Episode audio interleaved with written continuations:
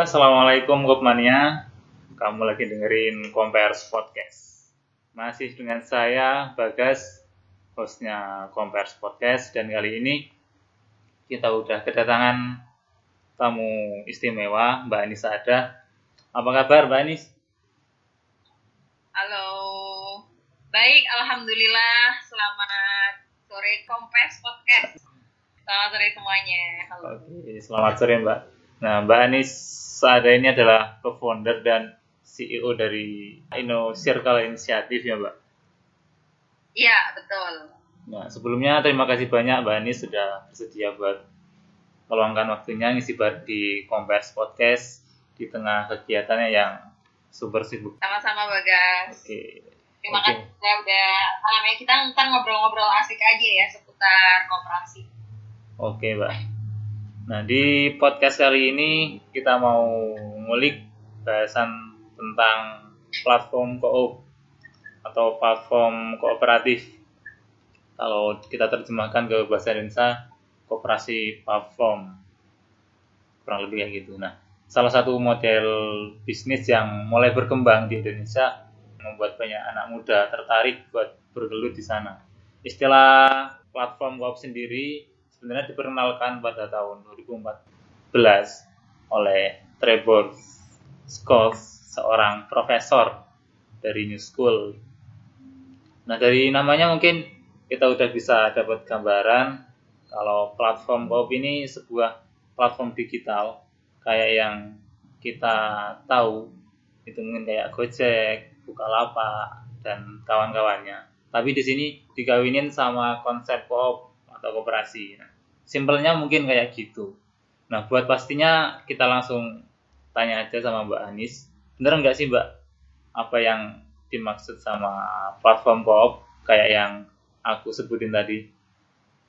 Ya, eh, kurang lebih seperti itu. Jadi platform koop itu adalah bentuk hibridasi dari apa namanya yang satunya itu adalah platform digital, kemudian dia menggabungkan dengan kelembagaannya itu koperasi sehingga muncullah yang namanya platform koop atau koperasi platform. Eh, kemunculannya sendiri tentu aja eh, baru-baru ini ya ketika gelombang revolusi industri 4.0 itu sudah apa namanya eh, sudah masuk eh, di berbagai daily aktivitasnya kita mulai dari ya apa pun kegiatan kita mulai dari belanja kemudian mengakses pendidikan dan lain sebagainya eh, di situlah kita sudah menggunakan teknologi yang kecepatannya itu sangat eksponensial.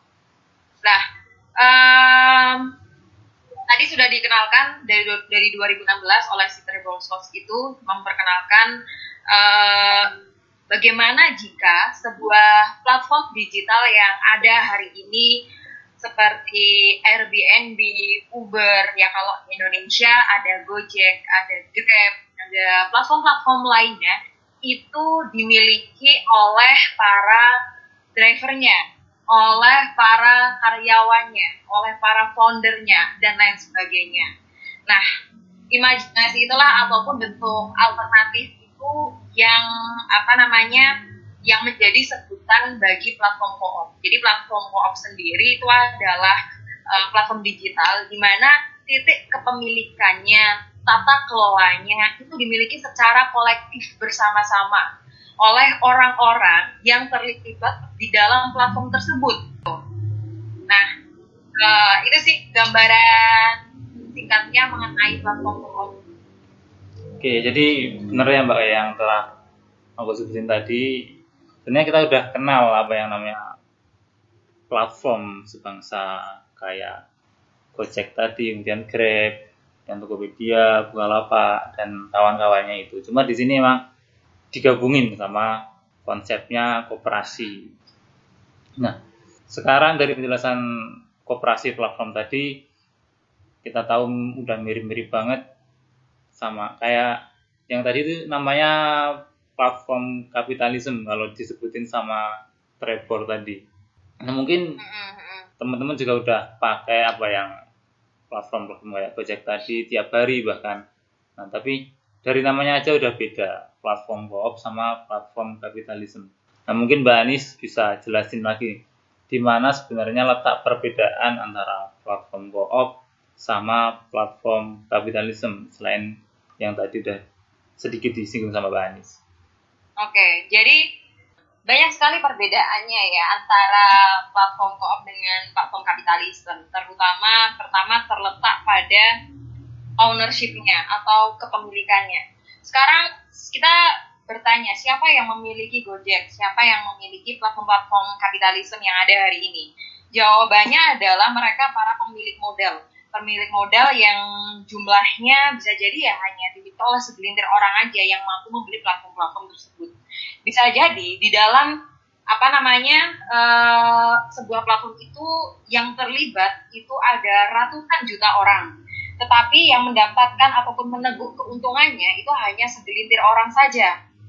Yaitu orang-orang yang memiliki modalnya. Nah sedangkan kalau di platform uh, kooperatif siapa para pemiliknya adalah pihak-pihak yang terlibat di dalam platform tersebut Uh, kalau misal ada salah satu contohnya itu Resonet, Resonet adalah platform kooperatif, basisnya itu adalah musik. Kalau yang ada hari itu di Spotify, maka yang menjadi ownernya itu adalah para para penyanyinya, siapa yang akan lagunya, kemudian pendengarnya. Jadi kalau misal kita bayangkan dengerin musik di Spotify, kita ada kemungkinan untuk bisa membeli platform Spotify kayak gitu. Kalau ini ada di Inggris itu namanya Resonet kayak gitu. Para pendengar lagunya, kemudian orang yang nyanyinya, pencipta lagunya, bahkan apa namanya uh, ya, apa, apa namanya itu industri album yang studionya itu adalah para pihak yang memungkinkan untuk menjadi pemiliknya kayak gitu.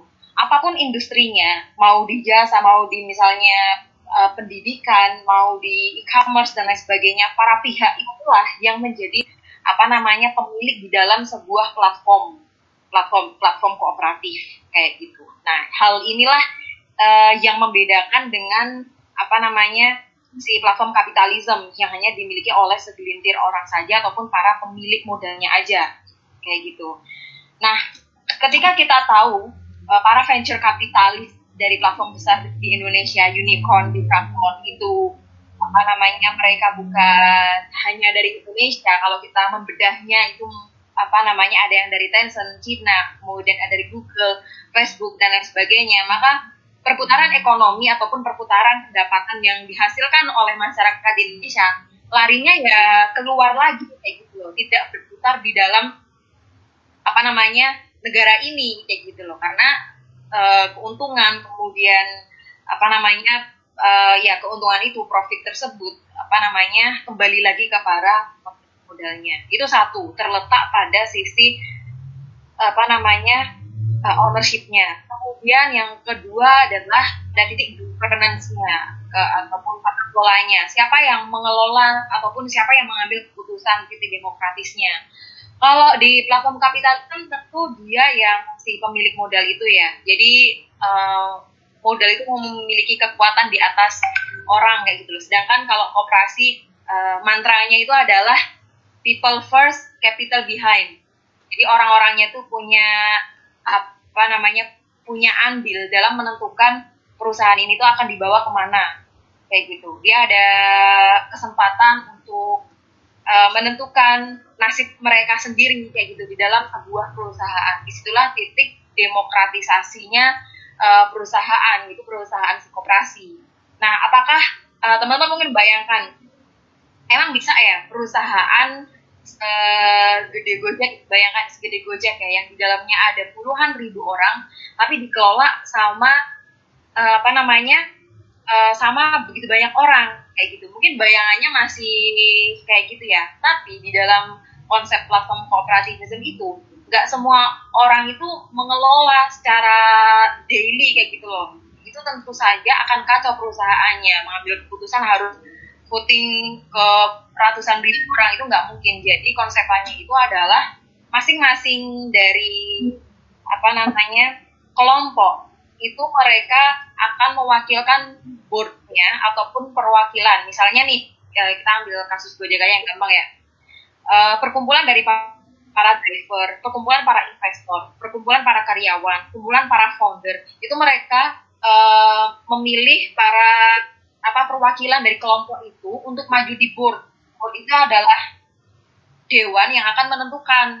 Nah, di situlah akan muncul lobbying, di situlah akan muncul uh, negosiasi untuk mengambil sebuah keputusan besar kayak gitu. Nah, biasanya itu satu tahun sekali perwakilan itu uh, rapat bersama kayak gitu. Jadi apa namanya ada perwakilan dari masing-masing kelompoknya perwakilan karyawan sendiri ada perwakilan para investor sendiri ada termasuk perwakilan para drivernya tapi kan seenggaknya udah terwakili kayak gitu loh terus dari badan hukumnya juga berbeda kalau apa kapitalisme dia menggunakan badan hukum PT kalau nggak CV kalau platform koop tentu saja pakai lembaga atau badan hukumnya itu adalah apa namanya koperasi.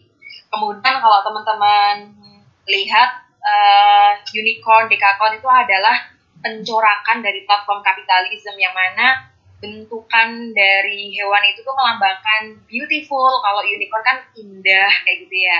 Apa namanya cantik dan nggak semua orang tuh tahu unicorn kayak gitu kan. Nah tapi kalau apa namanya kalau platform co-op itu lebih ke zebra. Kalau enggak ke cockroach. Cockroach itu adalah kecoa. Nah kenapa sih kecoa jelek banget? Kayak gitu loh. Ya, karena uh, analogi dari hewan ini tuh adalah dia itu kecil tapi nggak gampang mati kayak gitu loh. Nggak gampang matinya itu karena waktu itu nuklir di Jepang hanya satu hewan yang bertahan.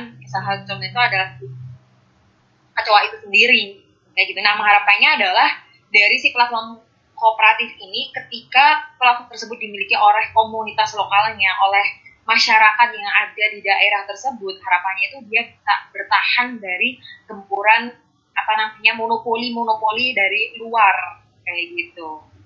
Oke. Gitu mas. Jadi kalau tak rangkum mbak ini mbak perbedaan antara platform koop sama platform kapitalisme itu intinya terlihat pada kepemilikannya mbak kalau pada platform kapitalisme itu cuma dimiliki sama segelintir orang yang mungkin apa foundernya kemudian para pemilik modalnya. Nah sementara di platform koop itu karyawan-karyawan yang terlibat itu juga sebagai pemiliknya. Gitu. Gitu ya mbak iya. nah kemudian yang kedua itu dari segi tata kelola.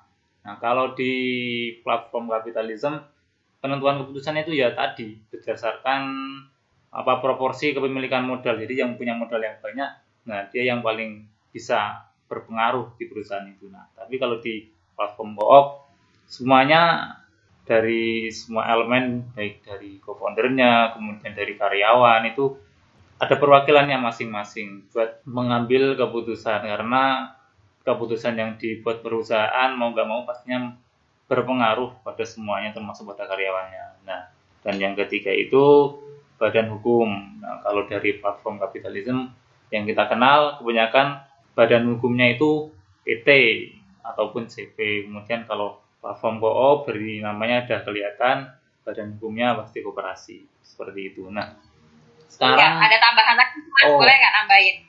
Ada tambahan lagi mbak Mbak? Apa lagi uh, tuh mbak? Uh, yang yang selanjutnya itu adalah dari modalnya. Kalau yang kapitalisme sumber modalnya itu dari venture capital, VC. Kalau mungkin teman-teman di startup itu sering apa namanya sering nyarinya itu gimana ya cari apa namanya venture capital kayak gitu dan mereka biasanya uh, setiap hari kerjanya itu adalah dari ke kafe ke kafe untuk uh, menawarkan penjual ide mereka siapa yang mau mendanai gitu, venture capital untuk scale up atau merealisasikan ide mereka.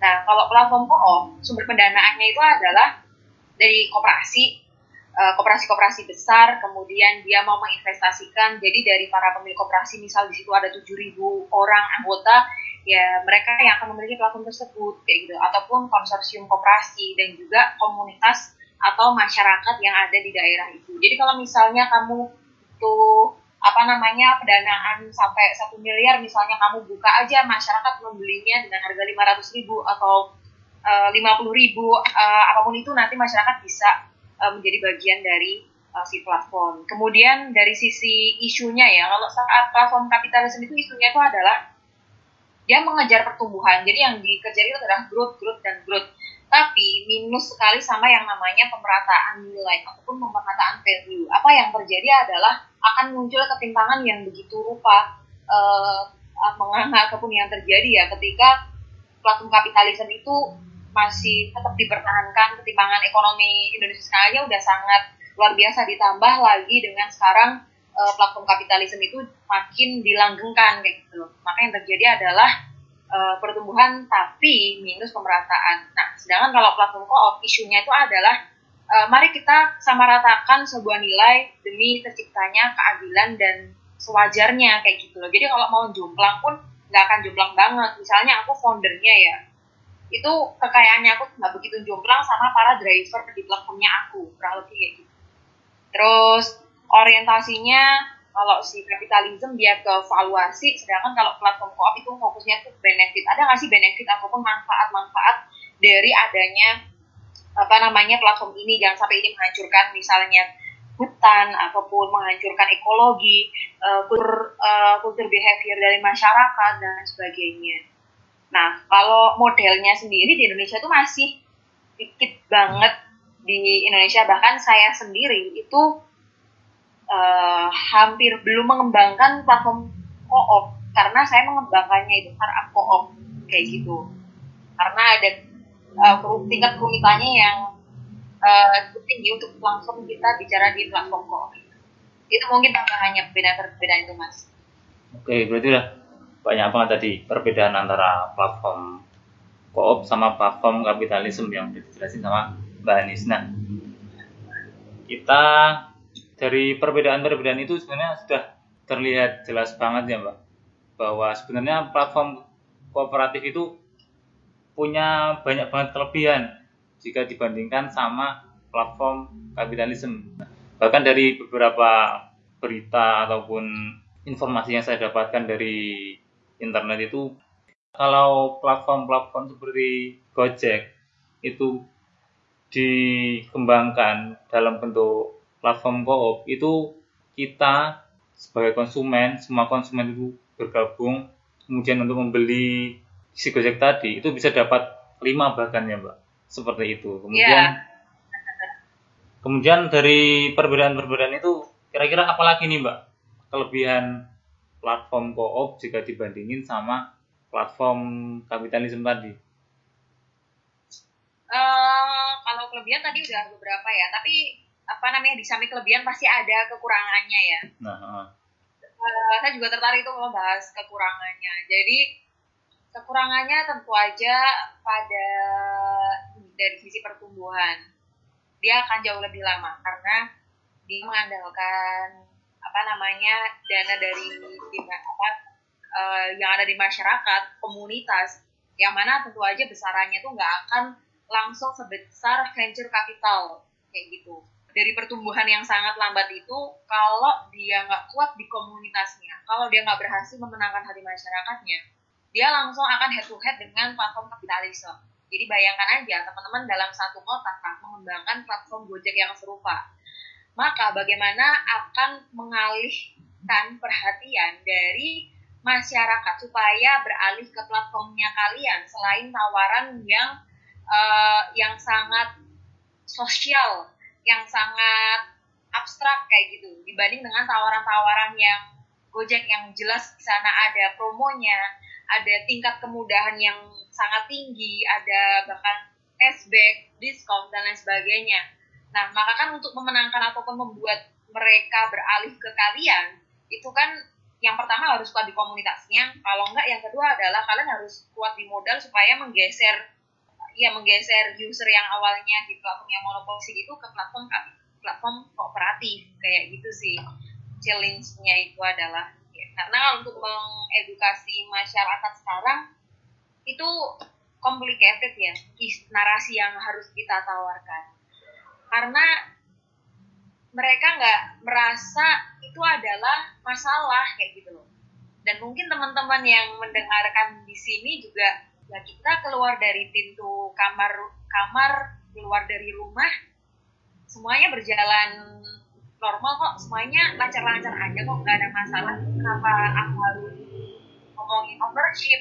Kenapa aku harus concern di isu kolektif? Kayak gitu loh. Toh orang yang mau melawan arus itu mungkin ya hanya satu sampai sepuluh orang gitu. Akhirnya para pelaku pelaku kooperatif berlaku ataupun bertindak seperti uh, platform kapitalisme kayak gitu ya udah kita memenangkan UI UX-nya kita kita memenangkan value proposition-nya kita kita mencari funding tapi fundingnya dari koperasi jadi bukan pada titik mengedukasi masyarakat tetapi memvalidasi bisnis modelnya mereka itu beneran diterima sama masyarakat gitu loh karena di tengah konteks masyarakat hari ini ya untuk mengedukasi mereka itu akan butuh PR yang sangat lama ataupun langsung ke maksud ekonomi politik kayak gitu. Kemudian uh, kekurangannya lagi, kekurangannya udah itu, itu sih yang paling berat. Kalau kelebihannya banyak ya, artinya kayak gini deh teman-teman.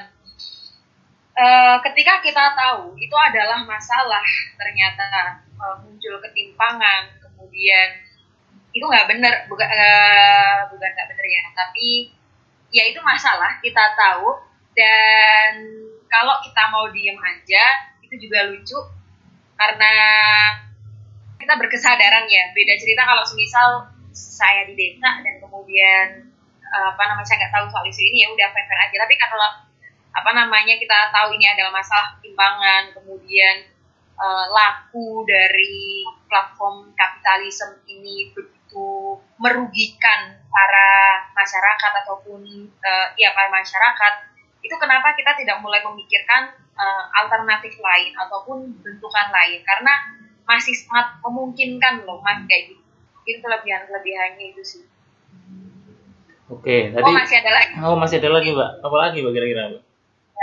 Uh, foundernya itu akan tetap didaya kayak gitu loh. Dia selaku selaku apa namanya orang yang melahirkan ide. Jadi gini, banyak cerita teman-teman saya, karena kan saya di inkubator ya, saya menginkubasi dan saya mencari banyak kasus. Apa yang terjadi ketika para founder itu menjual idenya ke investor? Yang terjadi adalah dia itu disuruh apa namanya uh, suaranya dia itu hilang ketika dia menjual idenya ke investor dan investor mendapatkan lebih dari 50% founder ini yang berdarah-darah di awal, kemudian dia yang melahirkan dia dia yang susah payah, tapi dia tuh disetirin sama investor kayak gitu loh. Hak dia sebagai founder itu footnya itu uh, tidak kuat kayak gitu. Artinya ujungnya dia disetir sama modal, ujungnya dia disetir sama yang capitalnya itu. Tapi kalau di platform kooperatif, founder itu masih bisa terlindungi. Tadi melalui perwakilan board-board itu. Ada yang namanya skema negosiasi ataupun apa namanya para pihak itu kalau misal kamu ingin memenangkan suara banyak orang atau perwakilan-perwakilan dari masing-masing pihak itu ya kamu lobby mereka supaya mereka sepakat dengan opini kamu atau argumen kamu ataupun pendapat kamu jadi pada titik pengambilan keputusannya founder itu jauh lebih terlindungi ketimbang menggunakan platform kapitalisme. Oke, jadi ini memang banyak banget sih apa keuntungan atau kelebihan dari platform koop juga dibandingin sama platform kapitalisme ya tadi yang memang penting sih yaitu terkait pemerataan dari pembagian keuntungannya antara miliknya kemudian pekerjanya. Nah selain itu juga tadi disebut sama Mbak Anis terkait hak dari si foundernya ya ketika di platform kapitalisme itu kebanyakan dari founder-founder itu ketika udah dapat modal Nah, yang yang punya modal itu yang berkuasa atas ide-ide yang udah dibuat sama foundernya yang tadi itu. Nah, sekarang terlepas dari kelebihan-kelebihan tadi sebenarnya juga ternyata masih ada kekurangan-kekurangan dari platform Coop sendiri. Nah, mungkin memang masih perlu banyak kita adakan riset lagi supaya nanti ke depan ide tentang platform Coop itu benar-benar bisa membawa pada keadilan dan kesetaraan ekonomi buat semua rakyat gitu tadi juga sudah sempat disinggung nih sama Mbak Anis terkait startup co-op. Nah sebenarnya saya juga masih bingung nih Mbak antara startup co-op sama platform co-op itu sama atau beda sih gitu. Kalau beda, beda itu, nah kalau beda sekarang letak perbedaannya di mana sebenarnya Mbak? Oh iya, uh, bedanya pada ownershipnya. Kalau platform co-op dimiliki oleh berbagai pihak, ataupun multi pihak dari kelompok-kelompok yang apa berkaitan dengan platform tersebut. Kalau startup co-op, ownership-nya itu hanya terletak pada uh, founder co-founder, worker, sama investor. Jadi kalau semisal aku punya jasa, aku melayani jasanya aku itu delivery order, end usernya aku tuh nggak bisa memiliki platformnya aku. Jadi konsepnya kalau operasi konvensional itu adalah startup co-op dikelola dengan koperasi pekerja. Kalau platform co-op dikelolanya dengan koperasi multi pihak. Gitu.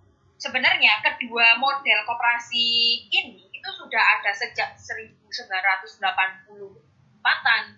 Sorry, 1847. Satua sekali model ini.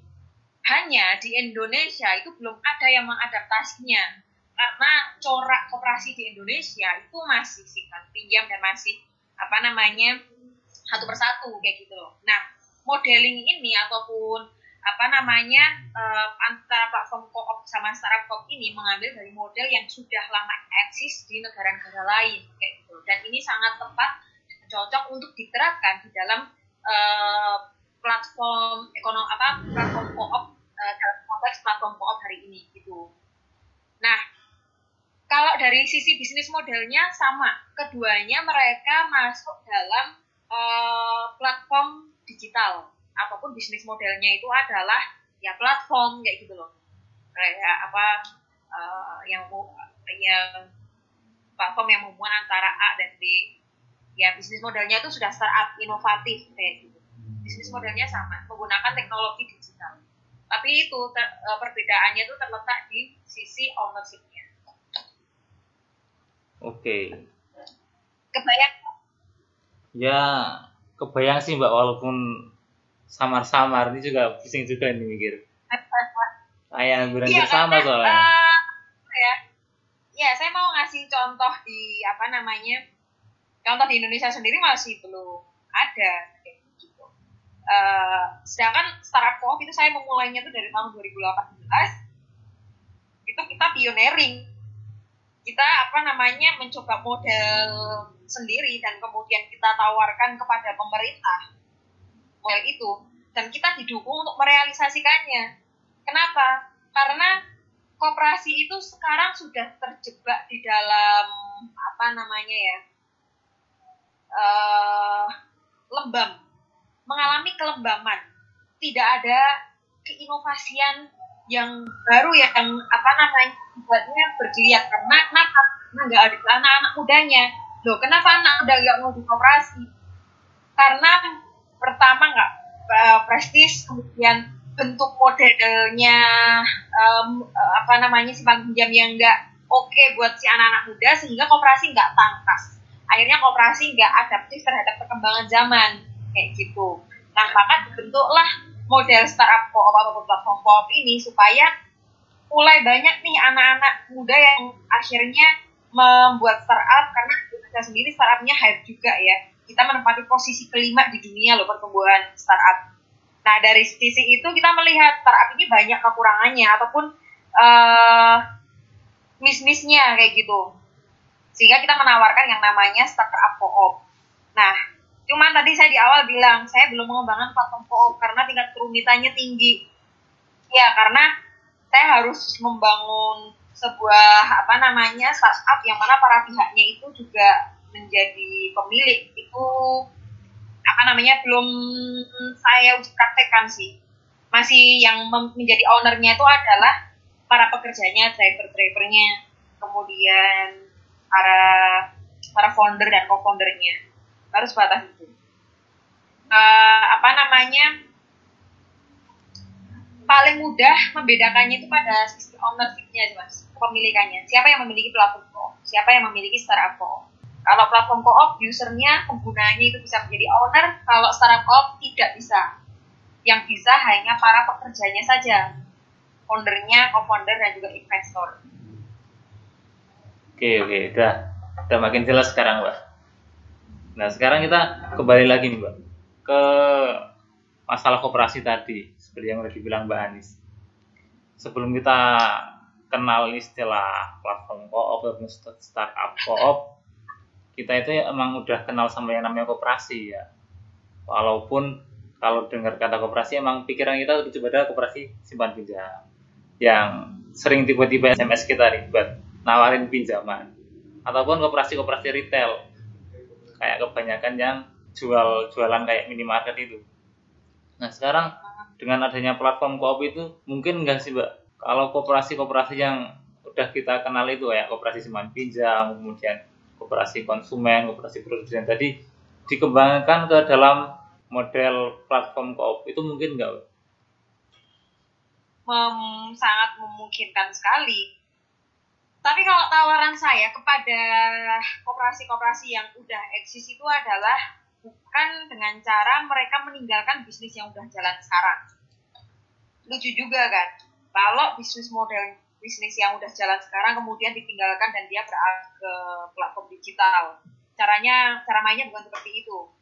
Tapi cara mainnya adalah ibarat kata ini adalah apa namanya kita melihat potensi ya operasi AX hari ini tuh nantinya akan tenggelam dan kemudian kita akan menyiapkan bentukan-bentukan baru uh, apa namanya bisnis model baru yang akan rising maka keduanya itu bisa berjalan seiringan kayak gitu loh dengan cara operasi ini mendanai pertumbuhan dari apa namanya uh, para platform-platform koop itu paham nggak jadi ini yang mensubsidi pendanaannya, kemudian yang memberikan permodalan bagi uh, pertumbuhan platform koop. Contohnya gini, saya awalnya sebelum 2018 itu, saya itu gabungnya itu adalah di koperasi konsumen Kopun di Purwokerto. Itu adalah retail dan simpan pinjam.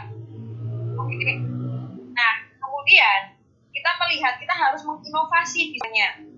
Kita selalu bertanya, bisnis kita tidak bisa apa namanya hanya mengandalkan satu sumber revenue atau satu sumber yang ini retail dan simpan pinjam dengan anggota yang cukup banyak itu kan udah established lah ya kita harus menciptakan yang baru nih apa oke kita menawarkannya adalah platform co-op startup co-op. Kenapa? Karena ini yang akan menjadi bisnis model ke depan.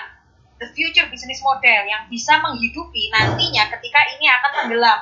Ataupun orang-orang sudah tidak lagi ke toko modern. Ya, kita uh, tidak tahu, bisa jadi nanti ke depannya. Ketika semua orang sudah sangat apa namanya sangat tech savvy gitu ya.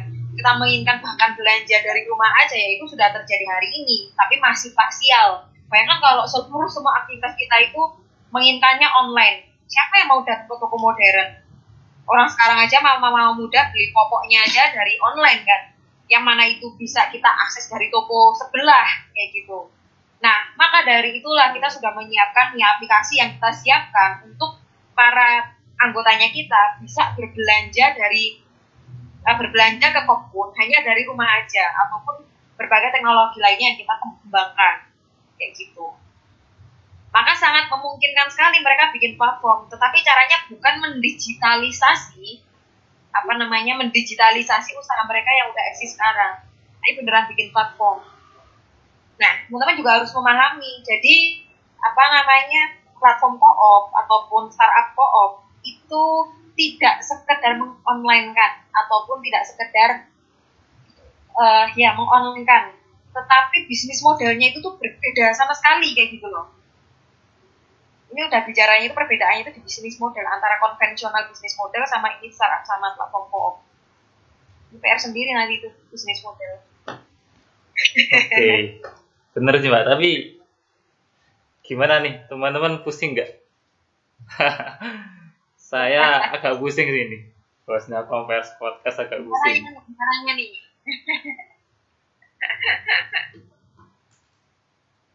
Oke ya ya nanti kita ke depan sambil belajar lagi sama Mbak Anis kemudian sama teman-teman yang lain tapi intinya kayak gitu kayak yang dijelasin sama Mbak Anis intinya ya jadi visi kooperasi-kooperasi yang hari ini ada posisinya itu adalah mereka mensupport lahirnya platform kooperatif platform kooperatif. Itu adalah proposnya saya. Karena mereka itu sudah punya apa namanya modal sudah punya sumber pendanaan yang mapan sehingga mereka rangkul aja. Para anak-anak muda yang punya ide-ide liar. Dan kalau mereka mengembangkan sendiri saya ragu mereka bisa. Karena konteks cara mendevelopnya sendiri pendekatannya itu berbeda kayak gitu. Mereka yang biasa dalam keseharian daily activity-nya ketemunya itu adalah aset-aset berwujud. Ini ketemunya startup itu intangible aset semua ataupun pendekatannya startup yang harus agile bolak-balik iterasi dan sebagainya. Mereka nggak terbiasa dengan itu dan kecenderungannya dalam dalam. Maka rangkul aja yang udah mengembangkan ini anak-anak Pokma punya ide-ide liar soal startup co platform co koperasi yang udah eksis support dong. Daripada kalian yang keren-keren talenta-talenta kreatif itu malah menjual ide kalian ke venture capital kan malah rugi. Kenapa tidak dimiliki oleh koperasi? Padahal sangat memungkinkan. Nah pengembangan-pengembangan itulah yang kita uh, replikasi ke Lampung. Di Lampung itu ada koperasi yang namanya Mekarsai operasinya besar. Uh, kita menawarkan ke mereka untuk mensupport uh, namanya Siger Hub inkubator di sana uh, inkubator startup juga untuk mendanai si para pelaku-pelaku startup pop startup pop ini itu yang kita ingin replikasi di kota-kota lainnya termasuk di Jakarta, Surabaya, Bali dan sebagainya gitu mas. Oke, baik banget sih. Sebenarnya kemarin juga saya dengar-dengar, saya lihat-lihat tuh ada salah satu anggota Komopen juga yang apa mulai mengembangkan sejenis kayak ojek online itu apa ya? Oh, Kozi. Nah, Kozi. Nah, siapa tahu ini Mbak siapa Mbak Rahma ya? Salah satunya itu ikut mengembangkan yang namanya Kozi itu semacam ya aplikasi ojek online tapi ada value lebihnya kayak misal ketika pengendara apa konsumen customer yang perempuan itu bisa milih sendiri drivernya yang perempuan kayak gitu. Nah mungkin ini bisa dipelajari lagi belajar bareng sama Mbak. Oke sekarang kalau untuk jenis bisnisnya ya Mbak, pada platform koop produknya bisa dikembangkan ke dalam jenis atau sektor bisnis apa aja nih Mbak untuk saat ini jenis platform koop apa saja yang banyak dikembangkan atau mungkin emang masih belum ada sama sekali di Indonesia untuk jenis platform koopnya ini? Yang udah ada atau? Ya, di Indonesia itu sudah ada belum, Mbak? Sebenarnya saya sudah mengenal beberapa apa namanya beberapa platform yang mana mereka itu menginginkan untuk dijadikan koperasi. E, kebanyakan di sektor riding, kayak tadi itu ya, apa namanya platform e, Gojek kayak gitu lah ya, jasa pengantaran kayak drivernya udah sampai seribuan. Kenapa akhirnya mereka tidak melanjutkan sampai pada level kelembagaan misalkan mereka koperasi karena masih ter apa namanya terbatasi oleh regulasi yang mana akhirnya ya udahlah ketimbang repot PT aja kayak gitu. Kenapa repot? Eh kenapa terbatasi? Ya ini pertama adalah modeling dari koperasi multi pihak itu yang tadi saya ceritakan di mana masing-masing para pihak itu mewakilkan boardnya mereka untuk mengambil keputusan. Itu belum dilegalkan ataupun apa namanya belum ada regulasi yang mengatur karena undang-undang yang sekarang ada itu adanya itu adalah one man one food jadi dihitungnya itu adalah per individunya. Jadi bayangkan di situ ada 100 ribu orang atau 5 ribu orang maka kekuatan tertinggi itu apa keputusan tertinggi itu diserahkan ke 5.000 orang itu. Bisa dibayangkan dong, kenapa para startup nggak mau ke koperasi? Para founder tentu aja akan kalah lah, ya nggak? Kenapa yeah, kalah? Yeah. Misal begini, dalam suatu uh, rapat pengambilan keputusan ya, drivernya ada 3.000, kemudian foundernya cuma 50, karyawannya ada 2.500. Loh tentu aja yang paling menang suaranya para driver dong. Lah para founder yang dulu uh, berdarah-darah mengembangkan aplikasi dari awal terzolimi dong. Ya nggak? Zolim menurut saya zolim itu. Iya. dan nggak adil juga iyalah nggak adil juga kalau semisal apa namanya ini dibentuk operasi Batman One Food kayak gitu kan. Akhirnya si para foundernya itu terdepak dari perusahaannya. Itu jahat itu evil. Makanya uh, startup sekarang ya berkembangnya lewat PT lewat model konvensional yang ada hari ini kayak gitu. Maka kalau di platform ko koperasi multi pihak itu cara kerjanya nggak kayak gitu. Ini kelompok founder nih suaranya 30 persen. Para driver orangnya ada 5000 tapi suaranya dia itu hanya 10 persen. Kemudian ada para pekerjanya. Para pekerjanya ini ada 2.500 orang suaranya itu hanya 15 persen. Dan sebagainya. Nanti itu didiskusikan secara uh, apa namanya kooperatif. Nah baru nanti para para boardnya itu ngumpul ya kayak anggota dewan kayak gitu kayak DPR gitu. Anggota dewannya ngumpul nih. Jadi gimana nih? Satu tahun sekali yang keputusan mau dibawa ke mana? Nah itu adil. Nah banyak yang awalnya menginginkan kooperasi itu akhirnya memutuskan untuk tidak melanjutkan sampai pada titik kelembagaan padahal niatannya itu udah bagus ini biar masyarakatnya hidup kemudian uh, agar perputaran uangnya itu ada di lokal aja itu nggak sampai terjadi ataupun tidak sampai terrealisasi karena apa namanya dari sisi kelembagaannya. Jadi bagi saya itu adalah kooperasi itu harus mampu mengadministrasikan keadilan tidak hanya pada titik ekonominya saja, tapi sampai pada titik pengambilan suara. Jadi kalau kooperasi prakteknya tidak mampu mengadministrasikan keadilan, ya dia tidak apa ataupun praktek kooperasi itu memang harus kita dobrak ataupun harus kita kritisi untuk menjadi lebih baik lagi dan harus ada orang-orang yang berani untuk mengkritisi model-model kooperasi yang udah dari ini sehingga akan mampu berkembang dan melakukan uh, banyak inovasi. Kalau sekarang kita terima-terima aja one man one food ya udah. Nggak akan berkembang juga kooperasi nggak akan ada orang juga yang mau di koperasi untuk para startup ya karena itu nggak sangat nggak fair. Saya melakukan startup nggak mau kalau koperasinya cara mainnya kayak gitu. Kenapa? Karena saya founder. Saya mengorbankan apa namanya waktu saya. Saya mungkin yang udah berkeluarga mengorbankan keluarga saya karena saya harus membangun uh, perusahaan. Tapi pada titik ketika udah besar saya bisa terdepak itu adil. Kayak gitu. Nah maka ya itu harusnya bisa mengajarkan keadilan seadil-adilnya dan sewajar-wajarnya. Oke, berarti udah masuk ke tantangan-tantangan ya, Mbak, sebagai ah. apa pelaku yang ingin mengembangkan model platform kopi ini. Nah, oke, okay, sekarang ya, pengembangannya saya kira bisa apa? Hmm. Mau sektor pertanian, mau di sektor pendidikan, kesehatan, bisa apa pun lah. Sebenarnya itu bisa dikoperasikan untuk apa masuk di platform. Gak terbatas hanya di riding ataupun jasa aja. Oke, itu, mas. peluangnya banyak ya mbak, gak cuma di riding aja yang banyak berkembang ya. Sampai ke pendidikan pun sebenarnya ada peluangnya gitu.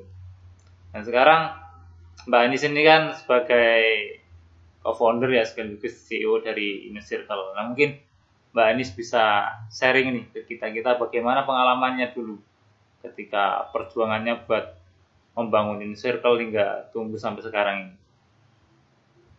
uh, gimana ya? Jadi ceritanya dulu tuh saya mau bikin startup namanya Pidi Solution.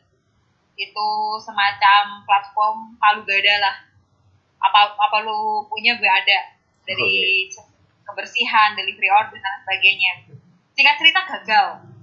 Saya sendiri backgroundnya bukan dari orang IT.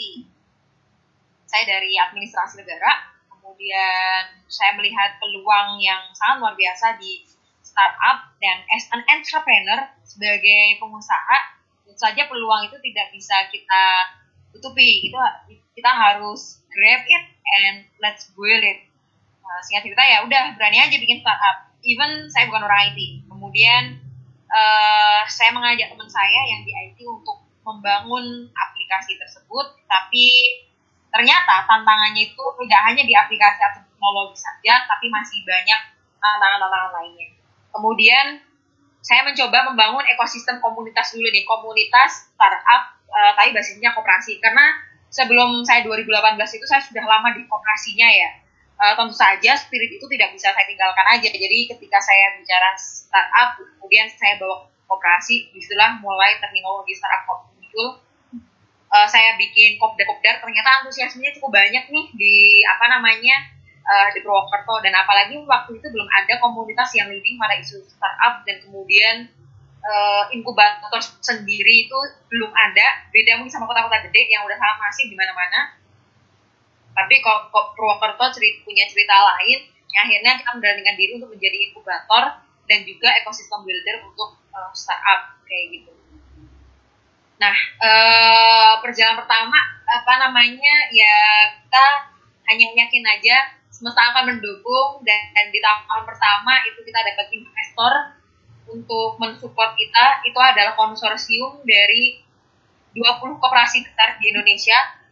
Uh, jadi apa namanya konsorsium itu mensupport apa namanya uh, pendirian lembaga inkubator kita, kemudian uh, berjalan kita menginkubasi, kita melahirkan startup startup koperasi, kemudian uh, sekarang kita bermitra dengan LPDB dan tentu saja apa namanya dengan banyak tantangannya, dengan banyak apa namanya uh, ya naik turunnya karena untuk me, apa namanya mendorong uh, orang-orang anak-anak membangun startup itu tantangan tersendiri untuk penjelasan yang detail sehingga uh, PR-nya ya di detail-detailnya itu sih.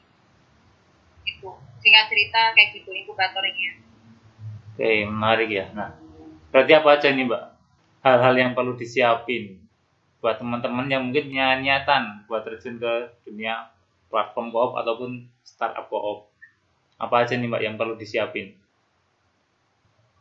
Um, kalau apa namanya nggak ada rumusan yang baku ya. Tentu saja harus sesuaikan dengan kondisi teman-teman yang ada sekarang. Tapi hmm, to be inovatif ataupun untuk memulai hal untuk memulai sesuatu hal itu saya menyarankan jangan melihat keluar, jangan out of the box. Justru kalau saya inside the box, kita bisa memulainya itu dari sesuatu yang terdekat dari kita. Kayak tadi kita membangun PD Solution, itu adalah karena saya melihat ada vacuum cleaner di salah satu ruangan nggak kepake. Jadi ruangannya itu pakai karpet. Tapi akhirnya ruangan itu nggak kepake sehingga cerita dan saya melihat kok vacuum cleaner yang harganya mahal ini sayang banget nganggur ya yang mana seharusnya itu bisa difungsikan. Nilai fungsinya itu masih ada gitu. Sehingga kita bikin ya udah kita bikin jasa kebersihan aja kayak gitu. Jasa kebersihan apa vacuum cleaner itu. Anak-anak kosan pasti seneng ada apa namanya jasa tiga puluh ribuan tapi kos kosan jadi bersih kayak gitu kan gitu. Jadi kadang kita memulai sesuatu hal itu lah kan aku nggak punya eh, modal aku nggak punya kemampuan ini aku nggak punya kemampuan itu. Justru itu yang akhirnya itu menghambat kita untuk do something sehingga saran saya itu adalah lihat yang ada dalam diri kita karena saya yakin semua dari kita pasti punya potensi uh, hanya perlu kita melihatnya lebih dalam apa yang bisa kita maksimalkan dari yang apa uh, berbagai hal yang ada dari terdekat kita apa namanya ya sumber terdekatnya kita ataupun modalitas yang kita miliki baik modalitas skill modalitas apa pun itu yang bisa kita optimalkan kemudian untuk memulai platform apa itu untuk memulai sebuah platformnya sendiri ya untuk individu ya. Sedangkan kalau kalian ingin mengkonversinya menjadi operasi adalah kalian harus mempelajari betul bagaimana titik kelembagaannya bagaimana kalian apa namanya uh, sudah mengetahui konsekuensi konsekuensinya kalian harus berbagi kepemilikan yang mana gak semua orang itu mau berbagi. Kalau aku apa namanya sendiri nanti apa namanya bisa tajir sendiri. Misalnya kalian inginkan seperti itu nggak pengen kebermanfaatan ya maka kalian bukan ruangannya di koperasi kayak gitu kan. Tapi kalau kalian ingin membuat ataupun punya apa namanya visi sosial lebih kepada kebermanfaatan ya maka platform koop adalah jawaban buat orang seperti kalian. Kayak gitu. Oke. Berarti itu ya apa yang terpenting itu inovatif sama melihat yang dekat-dekat aja nih apa namanya istilahnya inside the box.